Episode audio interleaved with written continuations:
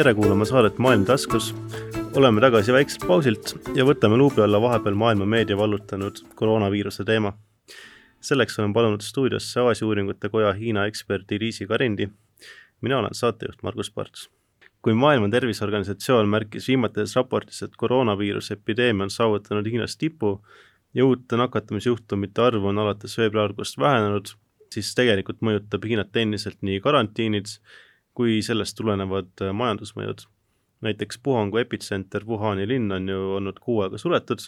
mis tähendab sisuliselt seda, et Hiina keskosa suurimas linnas on lõksus üheksa miljonit inimest. miks on koroonaviirusega kaasnenud poliitiline reaktsioon nii äärmuslik, kui näiteks grippi nakatunute arv on palju suurem? vahe on lihtsalt selles, et nii nagu Itaalia nüüd otsustas ka isoleerida terve piirkonna, on ju, reaktsioon sellele uuele no, viirusele on äh, palju tugevam ja muidugi need vanad põdurad, nõrgad lapsed on ju, on tavaline, kes kategooria, kes läheb nii gripiga kui noh, muude haigustega. aga lihtsalt selle haiguse puhul on nagu jah, selle võib-olla see poliitiline reaktsioon, mida eeldatakse, oodatakse, noh, paanika teemad. no see on teadmatus ju suure osas. ja, ja et see on nagu palju rohkem ja ongi, et võib-olla, et nad ei tea täpselt, kuidas see viirus toimib mm,. nojah no vot, kui sul on asjale vaktsiin olemas, siis on ju väga lihtne mõelda, et okei okay,, et noh, ma olen põhimõtteliselt safe, on ju, et ma teen vaktsiini ära ja kõik on korras aga kui on nagu jah, äsja see puhang ei toimunud ka, et siis ja ei tea, kui suureks see paisub. no eks natukene kõhe on ikka, on ju. nojah, kõhe on juba sellepärast, et ka täitsa privaatmajanduslikult oleks vaja nagu tööl käia ja asju ajada ja ei saa niimoodi kodus istuda lihtsalt, on ju, et see või kuskil hotelli olla kinni pandud, et. nagu just pandi Tenerifest tuhat inimest hotelli kinni mm. -hmm. mitte, et see väga mugav oleks muidugi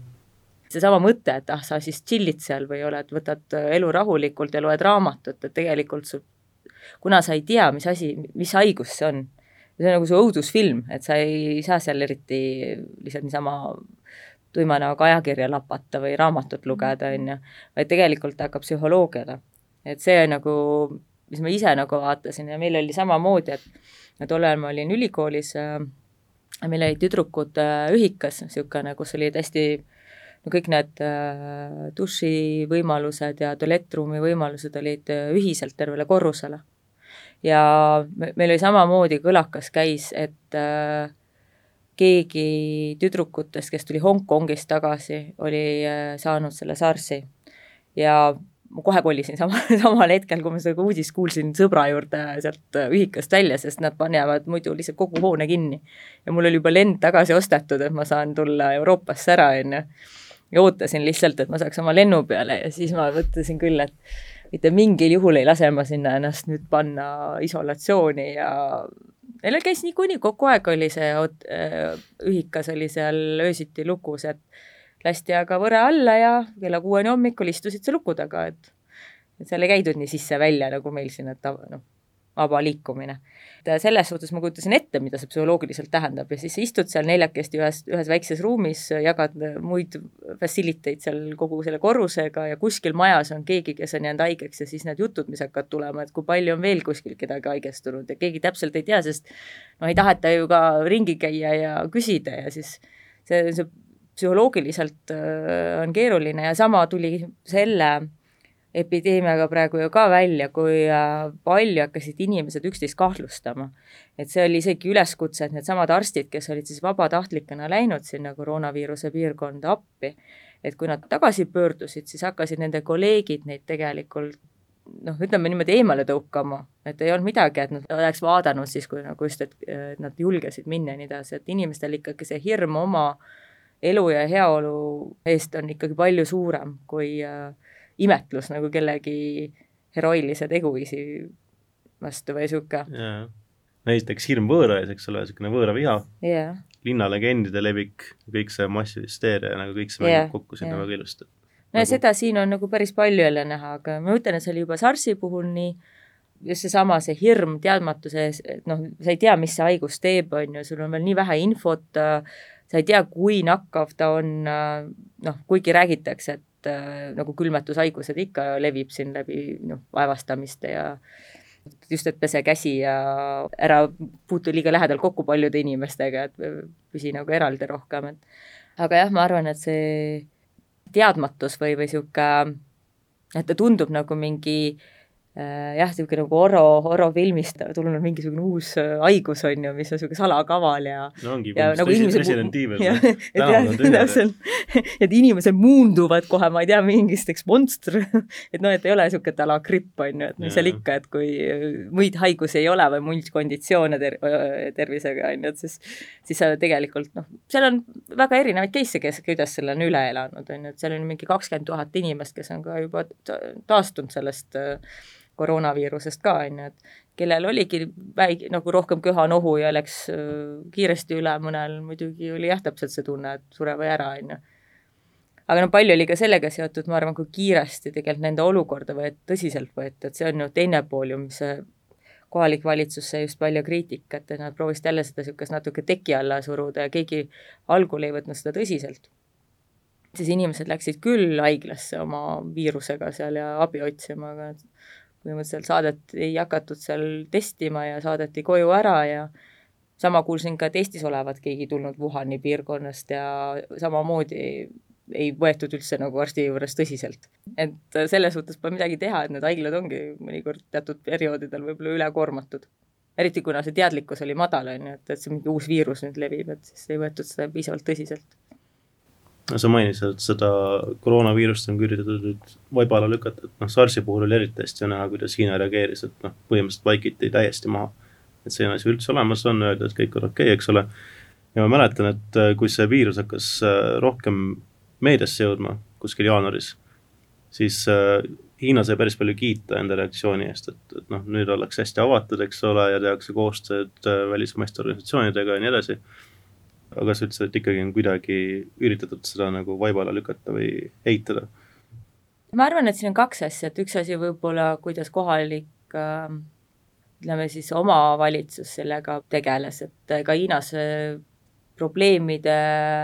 tunnistamine ei ole kunagi populaarne olnud, sest noh, ega iga poliitik mõtleb seal oma karjääri peale ja teine asi, paanika külvamine, ütleme, nii tihedasti asustatud riigis mingite rahutuste tekitamine pole kunagi nagu teema, mille kasuks kergelt otsustatakse, on ju, et teeme selle valiku, et oleme transparentsed ja avatud.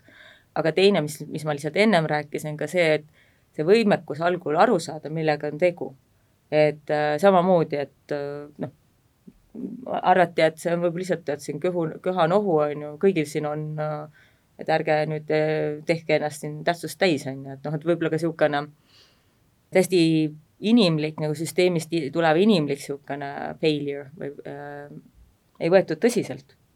ja samas me ise ütleme ka, et noh, iseenesest kui inimene on noor, tugev, ta elabki selle üle. surmajuhtumite arvusid, kui vaadatakse, et siis tegelikult öeldakse, et ta on äärmiselt nakkav ta levib sellepärast kiiresti, aga ta ei tapagi nii palju, kui algul arvati. SARS oli isegi vängem. SARS-iga läks rohkem inimesi. aga noh, hea viirus ongi, nagu öeldakse, see viirus, mis eh, ei tapa kohe, vaid aitab, saabki kiirelt levida tänu no sellele, et, et äh, inimesed liiguvad ikkagi ja et, et, et ta jah, et saab ühelt inimeselt teisele kiiresti liikuda. nii et äh jääb ringlusesse nii-öelda, et ei võta jalust, ei niida jalust, on ju. aga kui selle loogika järgi, et äh, mis sa mainisid, et võib-olla siis tegu oli nagu kuidagi inimliku sellise eksimusega, et ei tahetud lihtsalt asja tõsiselt võtta, et siis võib-olla selle praeguseks juba surnud Wuhani arsti, kes äh, hoiatas koroonaviiruse eest, et, äh, et noh, tema siis nii-öelda tsenseerimine võib-olla ei olnud ka siis otseselt nagu teadlikult nii-öelda pahatahtlik samm me räägime ju alati, või noh, ma loodan, see on, et üks pool on poliitiline pool, teine pool on ju professionaalne arstide ja haiglate pool. Need äh, ei pea käima alati käsikäes, kuigi noh, võib-olla direktori tasemel meesterahvas on arvatavasti ka äh, võib-olla, ei pea olema, võib-olla parteiga seotud, on ju. aga selles suhtes ma ikkagi eristaksin neid kahte poolt ja neid ei tasu hakata nagu panema võrdusmärgiga et äh, poliitika on poliitika, poliitikud mõtlevad ja tegutsevad teisiti, neil on teised äh, motiivid, neil on hoopis teised äh, eesmärgid pandud, neil on täpselt kui midagi on, saavad nad kas kiita või karistada, on ju, samas kui ütleme, et kui me vaatame nüüd sellist situatsiooni, kus lihtsalt haiglad ei tulnud selle olukorraga nagu toime ja arstid saadavad inimesi tagasi koju rõõmsalt, on ju, perekonna juurde. et see, seda ei saa poliitilisena vaadata mm. et see on ikkagi, ma arvan, kaks erinevat motivatsiooniallikat. arst võib-olla lihtsalt võib vabalt olla, et lihtsalt nii palju oli neid haigeid ja kõik köhisid ja nohisid ja ja et ei võetud tõsiselt piisavalt, on ju, veel seda uut viirust ja ei tehtud neid teste, ei olnud veel kõike seda facility'tki olemas. Ja aga noh, selles suhtes, et kui oli hoiatavaid äh, hääli, et poliitiline pool ei reageerinud, et öelda, et meil on kriisiolukord, meil on vaja mobiliseerida jõud, äh, tuua sisse meditsiinitarvikuid, luua täpselt uusi voodikohti, on ju, et neid inimesi saadetaks koju. kusjuures huvitav on ju ka see, et äh, no vastupidi nüüd Itaalias, kuidas ju on hoiatus antud ja WHO ka seletab, et ärge minge haiglasse, kui teil on mingisugused niisugused sümptomid, mis juba näitavad, et äh, võib olla koroonaviirus. sest just sellesse haiglasse minekuga tegelikult saab veel nii mõni, mõni inimene veel tee peal selle ka endale, on ju, et noh, kusjuures haiglas ongi ju tihti need inimesed, kelle immuunsüsteem on juba kuidagi nõrgenenud et tegelikult, et oleks, et just seesama, et peab olema ju siis ka äh, organiseeritud võimekus tulla toime selliste olukordadega hoopis teiste, teisi vahendeid kasutades, täpselt arst koju, jah. et kui keegi ikkagi ütleb, et mul on sümptomid on sellised, et võib olla koroonaviirus, et tulin ka sealt, ma ei tea, mis piirkonnast, kus see nüüd on levinud, on ju, et tegelikult, et siis ei käi mööda arste ja haigleid ise. no Hiinal peaks seda võimekust justkui hästi palju olema, aga samas kritiseeritakse ikkagi natukene seda lähenemist, et kas on mõtet panna noh, Wuhanis, eks ole, üheksa miljonit inimest istub karantiinis, aga üle riigi ju on kokku umbes seitsesada kuuskümmend miljonit inimest mõjutatud nii või teistmoodi. nojah, aga Wuhan on ikkagi, kui vaadata neid haigestumisjuhtumeid ja WHO-l on ju kogu aeg iga päev nad teevad update'i. ja kui vaadata, et äh, ikkagi, kus need case'id on kõige, või kus neid juhtumeid on kõige rohkem, siis on see Wuhanis on see piirkond karantiini panna oli nagu mõistlik otsus. ja see muidugi inimeste jaoks tähendab ja majanduse jaoks, no sel, sellel on nagu teine pool, aga aga kujutage ette nüüd Hiina-sugust riiki nii palju noh, nii rahvastatud ja nii tihedasti koos elava rahvastikuga, et äh, see on kulutuli, mis sealt läheb. et äh, isoleerimine oli äh, Hiina puhul, nende puhul on see ka võimalik teha, on ju. ja samas, ega siis nad polnud ainukesed, et ma vaatasin ka, et äh, nii mõnigi riik äh, pani ju kõik piirid kinni, Mongoolia ei lase ühtegi hiinlast sisse, kõik Venemaa, on ju. et hea küll, et see üks asi on see sisselaskmine, aga teine asi, nad ei lase Hiinast isegi oma inimesi tagasi kohati mm. -hmm. et äh, Mongoolias ka, nad on saavutanud lõpuks niisuguse rahvaarvu, et neil on äh, kolm miljonit inimest seal aga nad jätsid ka kolmsada millegagi kaasmaalast lihtsalt Hiina piiri taha ja ei luba enam tagasi. ütles, et nii ongi. et äh, demokraatlik riik, on ju. et, et on ka teisi riike, kes tegelikult selle peale ikka väga karmilt reageerisid ja no isegi Itaalia reaktsioon oli ju väga karm. noh, meie, meie ühiskonnast lähtudes nüüd on ju, et kus ja. me tegelikult oleme harjunud oma vabadustega, aga seal toodi ka just välja, et et Hiina suutis seda ainult sellepärast äh, kuidagi hallata veel, et äh, neil on nüüd ju case'ide arv on vähenemas ja tundub, et see puhang on nagu Hiinas kuidagi mööda saanud, kui nüüd kuskilt uut äh, lainet sisse ei tule. panid ise hoopis Koreale nüüd piirid kinni, Lõuna-Koreale ja või noh, ei lase korealasi enam äh, riiki ja et, et, et tegelikult see, et ka Itaalias tehti selline valik, see räägib, ma arvan, isegi rohkem äh, nagu äh, siis noh, meie ühiskonnas oleks väga raske tegelikult sellist otsust teha, et me lihtsalt panemegi ühe, ühe piirkonna isolatsiooni. noh, samas see võib rääkida jällegi sellest äh, marulisest reaktsioonist lihtsalt, mis on tulnud selle massipaanikaga kaasa, et kas on tegelikult ka põhjendatud panna võib-olla Sitsiilia isolatsiooni, noh, ma ei, ma ei tea, kas see on mõistlik, kui sul on võib-olla kakskümmend inimest nakatunud seal. gripi puhul samamoodi ei panda ju sul tervet Tartumaad kinni, kui mm -hmm. Kambjas üks inimene, kellel on gripp. ma ise vaatasin ka, et kuidas teised riigid noh, reageerisid, et siin ongi erinevaid, huvitav on see, kui hästi on raporteeritud see case tegelikult. kõik kaubandus-tööstuskojad informeerivad ettevõtjaid täpselt, kui, mis sead-, mis määrused, mis guidelines'id, mis meetmed on välja antud näiteks Hiinas selleks ajaks, kui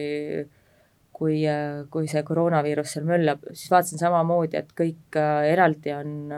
toodud välja, et mis riigid on mis samme teinud nii nii transpordi valdkonnas kui ütleme, et ettevõtlusele kehtivad igasugused jälle määrused ja kui ma õieti mäletan, siis see oli Singapur või, neil on ka palju välistööjõudu. no just samamoodi, et seal palju liigutakse, on ju. minu arust oli Singapur see, kes väga karmilt oli öelnud, et et eh, need ettevõtted, kes eh, pidid eh, kinni panema koroonaviiruse tõttu, et karistavad, kui inimesed, kui ettevõtted nõuab inimestelt, et nad tuleks tööle tagasi, et siis nad ei tohi ühtegi välismaalast enam palgata, või siis samamoodi oli, et need inimesed, kes siis lähevad tööle tagasi, kaotavad jah, riigis viibimise loa, nii et nad on nagu selles suhtes ikkagi päris karmilt nagu asja võtnud. et seal võib-olla ongi, et isolatsiooni ei panda, aga öeldakse ikkagi, kui sa kodust välja tuled, sa saad seal neliteist päeva siin, sa pead selle aja ära istuma. et kui sa tuled sealt välja ja tuled tööle, siis äh, see on viimane kord, et sa siin töötad. paistab, et SARS on olnud päris hea õppetunni, et kuidas äh, suurendada üldist vastupidavust ja rahvusvahelist koostööd üldse sellise epideemia puhul mm. -hmm. Selles suhtes küll jah, ja muidugi seda võrdlusmaterjali on palju ja jälle WHO veebilehes, seal neil on terve andmebaas nüüd, nad on juba terve rea uurimusmaterjale sinna juba üles laadinud, et tähendab ikkagi seal, et on näha, et nii research'i pool või kõik see uurimustöö, mis on seotud niisuguste epideemiate ja, ja see, ütleme, niisuguse SARS-i ja nüüd selle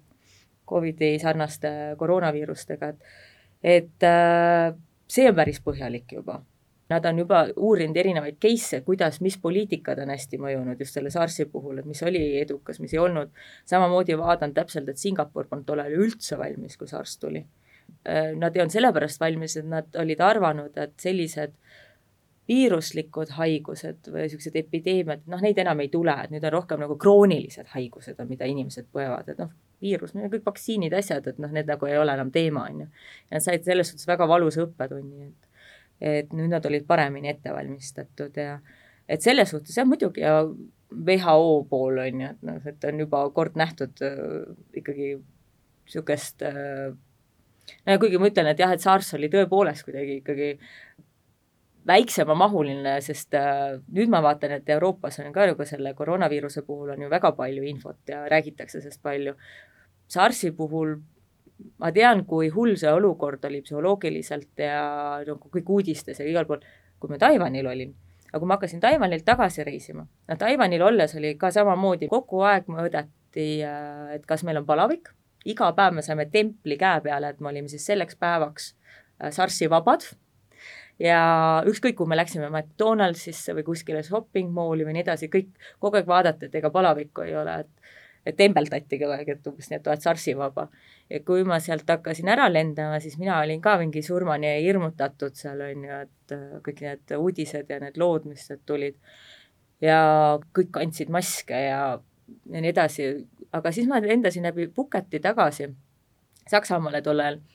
ja ma mäletan, et veel see lend Taipeist Pucketisse oli tõesti nii, et kõigil olid maskid peas ja kõigil oli samasugune hirmunud nägu on ees ja keegi kellegagi rääkida ei tahtnud ja siis veel, kui lennult maha tulid, siis veel ka samamoodi vaadati, et ega palavikku ei ole. aga kui, kui ma läksin sinna Phuket äh, Frankfurt lennu peale, siis äh, mitte midagi enam keegi ei küsinud, ei mõõtnud, ei jälginud, Saksa turistid rõõmsad, hästi päevitanud ja, ja plätudes seal tulid äh, noh, täiesti nagu paha eemamata rõõmsalt sinna lennukisse, kõigil oli hea tuju, kõik rääkisid juttu ja ja siis korraga vaatad mind, mina oma maskiga istun niimoodi vaikselt ära hirmunud, on ju. ja siis ma sain millalgi aru, et ma ei tea, ma vist natuke imelik siin selle maskiga istun, ma võtsin oma maski eest ära, poetasin ka vaikselt kotti ära, sest Frankfurdis ei huvitanud mina mitte kedagi, kust ma tulin. et tegelikult oligi näha, et näiteks see SARS-i, SARS-i temaatika polnud nagu üldse siin Euroopas niisugust tähelepanu saanud, on ju, et koroonaviiruse puhul me vaatame, on hoopis jah, et, et neid case'e muidugi on ka igas riigis juba peaaegu, et et lihtsalt jälgitakse rohkem ja maailm on muutunud muidugi globaalsemaks, ärme unusta ära, et see kaks tuhat kolm on ju, et siis veel ma vaatasin, et Hiina majanduski oli tol ajal neli protsenti veel maailma majandusest, täna me räägime kuusteist protsenti. noh, juba hoopis teine mõju, on ju. tol ajal Hiina majandus kukkus vist sel perioodil kaks protsenti. Nad tegelikult kosusid päris kiiresti uuesti, et neil oli sellel ajal veel kiire kasv, et kahe, kahekohalise numbriga kasv ikkagi. Nad kosusid küll kiiresti, aga jah, see see mõju maailmamajandusele oli veel väike, noh nüüd täna juba hakkavad kõik aru saama, kui globaliseerinud on meie väärtusahelad ja ja võib ju öelda, et oh, ma lähen siis nüüd Vietnami, et algul, kui Hiinas hakkas see eh, koroonaviiruse laine peale, siis kõik eh, tegid kiiresti järeldusi, et nad oleks pidanud ikka oma tootmise juba mitmekesistama ja viima Vietnamisse või kuhugi mujale, aga noh, kuule, kui see koroonaviirus levib nüüd Vietnamisse ka, siis noh, mis vahet seal on, on see nüüd Hiina või on see Vietnam, on ju ja kui seal riik, riik otsustab äh, samamoodi läbi isoleerimise selle viirusega tegeleda, on ju, et noh, ega siis äh, igal pool on need väärtusahelad lõpuks äh, noh, kas ütleme, et häiritud. aga kuidas sulle praegu tundub, et kui, kuivõrra ikkagi see Covid mõjutab Hiina majandust, et noh, neil oli ju plaan jõuda selleks aastaks vist kahekordse majanduseni võrreldes kümne aasta taguse ajaga? no mõjutab ikka sellepärast et äh, no muidugi nüüd ongi küsimus, kui kaua, kui kaua see olukord kestab, mm. on ju, aga noh, lihtsalt, et kui praegu on arvestatud, et nad kaotavad selle koroonaviiruse tõttu kuni, kuni viissada miljardit äh, renminbiid, mis on siis mingi kuuskümmend viis koma viis äh,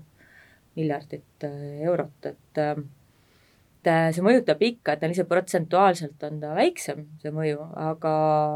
samas kui noh, kui lihtsalt arvutada ümber, et kui paljusid ettevõtteid see on mõjutanud äh,, täpselt neid väärtusahelaid, on ju,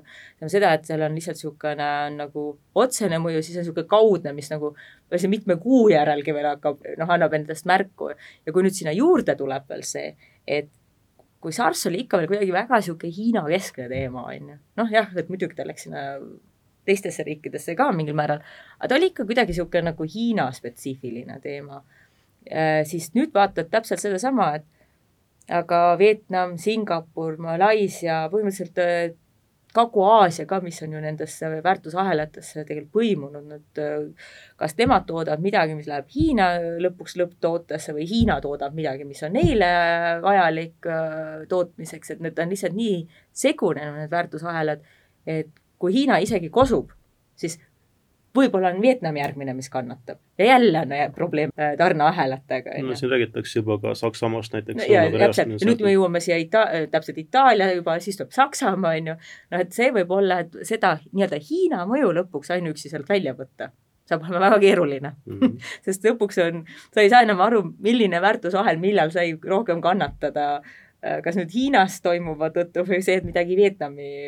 noh, Vietnamis hakkas toimuma või nii edasi, on ju, et aga noh, iseenesest need on kindlasti omamoodi noh, valus, aga jälle hea meeldetuletus nüüd globaalses mastaabis, et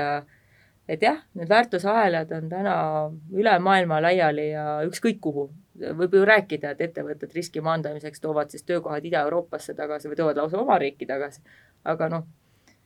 kas see on nii must ja valge enam no?? Et see ongi see küsimus, et just, et kas me saame seda kõike nii mustalt ja valgelt vaadata, et kui me räägime sellisest ähm,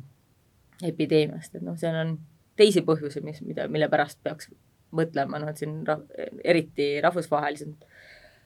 multinational äh, firmad, et nemad on muidugi vaadanud, et nad äh, mitmekesistaks oma äh, allikaid, tarneahela lülisid, on ju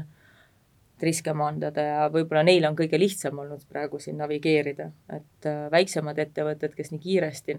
kus tavaliselt läheb üks keskmise suurusega, väike või keskmise suurusega ettevõte siis neid kontakte otsima, ta peab ju minema messidele. vaatasin selle osa ka natuke üle, et ega praegu ikkagi no nii, ütleme, et ikkagi päris paljudes kohtades kas messid jäetakse ära või kui toimuvad, äh, on pandud äh, siis piirang, et ettevõtted peab esindama nende kohalik personal, et nad ei taha, et keegi selle jaoks kuskilt sisse lendaks, on ju. aga kuidas sa siis lähed uut turgu enda jaoks avama, ütled, et hea küll, Hiinast ma enam oma materjale kätte ei saa, ma pean nüüd kiiresti minema vaatama, mis seal Vietnamis on. aga kui sa siis äh, ei tohi kohale lennata, et seal tutvusel on, sul ei ole veel ju kohapeal personali. et äh, suuremad ettevõtted saavad sellega hakkama, jah aga niisugused, just niisugused väikesed keskmise suurusega ettevõtted, kellest suurem osa majandusest öö, koosneb Euroopas üheksakümmend üheksa protsenti, maailmas üheksakümmend viis protsenti, kõik on SMI-d. Neil on kõige raskem ja nemad on nagu selles suhtes kõige äh, nõrgemas positsioonis, kui noh, kui ikkagi tekivad sellised äh, takistused tarneahelates ja noh, äri tegemisel. samamoodi noh, personal on ju, et kui sa väike, väikeettevõttena ei jaksa maksta neid palkasid lõpmatuseni, kui tööd enam ei tehta mingil määral äh, aitab praegune situatsioon kaasa Hiinas kindlasti selle nii-öelda kodukontori ümbermõtestamisele, hiinlased ei ole uskunud väga kodukontoritesse ja ikkagi arvavad, et äh, inimene peab istuma siin ilusasti arvuti ees laua taga, siis ta teeb tööd. et niisugust nagu Äh, outcome based äh, või ütleme, delivery based mudelid nad ei ole jah, väga nagu usaldanud ja harrastanud, aga noh, nüüd on tahes-tahtmata kõik kodukontoritesse saadetud ja e-kaubandus toimib hästi, sest noh, siis ei pea ka palju suhtlema, visatakse su kott äh, grocery tega ukse ette ja võtad, kõik on äpi kaudu makstud, raha keegi ei puutu, on ju. et inimkontakti võib, võib minimeerida selle kaudu, on ju, et võtad aga ukse tagant pärast oma koti vastu ja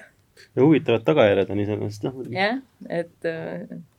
aga tootmisettevõtetel ei ole midagi teha, nema, nemal, neil on vaja, et inimesed oleksid tehases kohal, on ju mis muidugi moodustab Hiina majandusest päris suure osa, eks ole. just, et äh, kui me Saksamaast juba rääkisime, siis noh, kujutab ju ette, no see, kusjuures ega see pole ainult Saksamaa, samamoodi on ju Korea ja et autotööstus on ju, muidugi seda nutavad siin sakslased praegu äh, kõva häälega, et nende autotööstus see on ju Hiinaga nii seotud, Hiina kui üks turg, äh, Hiina kui äh, osade tootmiskoht, noh, et äh, sakslastel läheb keeruliseks, et seal ongi väga palju keskmise suurusega ettevõtteid samades väärtusahelates nagu kaasatud, on ju. Kokku räägitakse vist ülemaailmsest kaudsest mõjust umbes ühe mil-, ei, triljoni dollari kanti me alles, me, me veel ei tea ju, me ju veel ei tea, me alles praegu näeme, mis hakkab Euroopas toimuma selle koroonaviirusega, on ju. hea küll, et kui nüüd Hiina tõepoolest suudab juba kuidagi hakata, noh, nad on nüüd äh, ju lubanud, et äh, ja palunud jälle, et äh, ikkagi lennuühendused taastatakse ja nii edasi, et, et hakkaks uuesti nagu sidusus muu maailmaga ikkagi uuesti toimima, aga ma ei, ma ei kujuta ette, kui siin no samas ongi, et võib-olla nemad tahavad, et hakkaks uuesti toimima, aga nad panevad väga kiiresti jälle vastupidi oma piirid kinni, nii nagu nad lõunakorealastele panid, kui seal äh, tekkis puhang, on ju. et võib-olla nüüd järgmine kord, et äh, tore küll, et nemad tahaks, et saaks jälle Itaaliasse lennata, aga Itaaliasse tagasi ei taha saada, on ju, kui need hakkavad nüüd haigestuma see massiliselt, on ju. või noh, üks, ükskõik kus järgmine puhang võib olla, on ju, et äh, kuidas äh, Hiina ühiskonnas seda asja muidu tuntakse, et äh, ma mõtlen just eriti valitsuse tegevust, et kui äh, võtta nüüd selline keskmine hiinlane, kas ta võib olla rahul sellega, mis on seni ära tehtud? no see on nii raske selles suhtes öelda, et äh, mida oli näha, et hiinlased äh, ühelt poolt hakkasid väga kokku hoidma, no selles suhtes, et need, kes väljaspool olid, need, no ma, mingisugune Äh, kahtlustamine omavahel äh, oli muidugi nende seas, kus, kus haiguse puhang oli nii suur, on ju, et siis ikka sa ei taha ju haigeks jääda, sa hakkad ka kahtlustama, keegi seal köhib, nohib, nohiseb, on ju. et, äh, et, et jumala eest hoia eemale. aga samas just ka välismaalt, et kui palju tuli tegelikult niisugust nagu toetust ja äh, noh, muidugi äh, oli huvitav vaadata, kuidas Xi Jinpingi kutset ju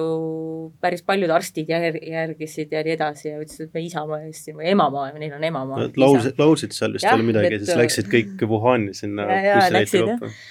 ja nii mõnigi neist ju haigestus ise seal. nii et äh, me ei pea ju kaugelt otsima, meil siin oma, oma uudistes oli ka, et et Sichuani äh, piirkonnast pärit meesterahvas vist oli ta, et äh, saatis ka kõik maskid, mis Eesti turul oli võimalik kokku osta nüüd Hiina ja selguski, et kui ma täna palusin, et elukaaslane ostaks endale maski, siis et neid maske väga Eestis enam polegi. Nii et kui meile tuleb puhang, siis ma kardan, me oleme kõik ilma maskideta. Siis me ostame Lätist. Ei tea jah, et, et viimastes apteekides siin veel midagi oli. E, aga see selleks, et jah, niisugust nagu noh, võib-olla ongi, et tihti mõeldakse Hiinast kui mingist väga ühtsest organismist, et tegelikult teda niimoodi ei saa vaadata, et et see on väga erinevalt, noh, inimesed suhtuvad erinevalt, et ma arvan, et nad on palju,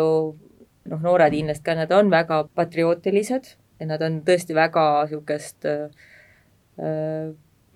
toetavad oma kodumaad ikkagi, seda ma olen õppimise ajal seal tundnud, töötades ja nii edasi, et ei tasu minna hiinlasele tema riiki kritiseerima, et et, et nad võivad ise öelda, et jah, meil ei ole veel see hea või too hea või, või me noh, aga seda, et väljaspoolt keegi tuleb ja hakkab näpuga näitama, seda nad ei aktsepteeri. ja jah, neil on alati esinenud neid niisuguseid puhanguid, on see siis olnud nüüd nagu hädaolukorras, et äh, tulge appi ja saatke siin äh, meditsiinivahendeid ja maske ja mida iganes, on ju, või tulge appi, et äh, et kasutage oma kvalifikatsiooni ja, ja et äh, aidake siis seal haigeid ravida ja, ja tuvastada seda viir-, just seda äh, viiruse kandjaid seal. no kas selline avatus ja mõneti avatus ka välismaale, noh, näiteks on ju abikutsed olnud ka välisekspertidel, eks ole, ja, ja välisabi saatmiseks, et kas selline avatus võib olla mõneti isegi üllatav Hiina puhul? ma ei ütleks seda, et ma, ma arvan, et nad on aru saanud, et selleks, et nad suudaks äh, selle kriisiga hakkama saada, et nad peavad mängima sellisele ühtsuse tundele siin, sest äh, noh, midagi on teha, kui sa paned ikka nii suure piirkonna nii paljude inimeste isolatsiooni, siis äh, midagi sa pead neile nagu andma, mis noh, mingisugune, mingisugune niisugune toetus või niimoodi, et see ju ka hästi palju neid story sid, kuidas naabrid, et nad ei saanud siis omavahel enam tänaval suhelda, aga hiinlased on harjunud elama kogukonnas. Ja siis kõik äh, seal oma, tegid siis, viisid oma tavapärased õhtusöögid ja mis nad muidu olid harjunud tegema, noh, ühistes restoranides ja nii edasi, siis äh, perekondlikult katusele ja siis üle katuste hüüdsid üksteisele siis äh, julgustavaid sõnu ja nii edasi, et noh, et eks see ongi see, et mingi niisugune nagu kogukondlikkus või niisugune nagu kokkuhoidmine nagu noh, toetab lihtsalt kogu, kogu seda olukorda. Ja riigi poolt äh, noh, riik on erinevatel hetkedel mänginud muidugi sellisele rahvustundele äh, halvim näite on, kui nad on seda kasutanud ära, ütleme, Jaapani vastaste äh, tunnete tekitamisega siin, kui äh, oli jälle saarte küsimus üleval, on ju, et siis väga kiiresti mängiti ka samamoodi niisugusele kogukondlikule või siis rahvus, rahvusbaasil tunnetlikkusele. ja see läks ka kiirelt käest ära, sest noored läksid väga noh, vihaseks, nad olid niisugust jah, hakkasid hävitama materiaalset vara, mis oli Jaapanis toodetud või Jaapani brändi alt. Jaapani restorane ja nii edasi, nii et see läks nagu niisuguseks vandaalitsemiseks, et et äh, see on siis niisugune negatiivne näide, kus seda on, tegelikult on ära kasutatud niisugust tunnet, aga ma arvan, et kuna nad teavad, et see on nagu üks nende trumpe, et see tunne on nii su-, noh, hiinlastes ikkagi nii sügaval, saab seda ka positiivselt ära kasutada, niisuguse community ja ühtsustunde ja täpselt, et minu kohus on appi tulla, on ju, see, see kohusetundlikkus, et et seda nad said siin äh, võib-olla, ma ütleks, positiivselt ära kasutada, on ju. aitäh ja suur tänu kuulamast, järgmise korrani!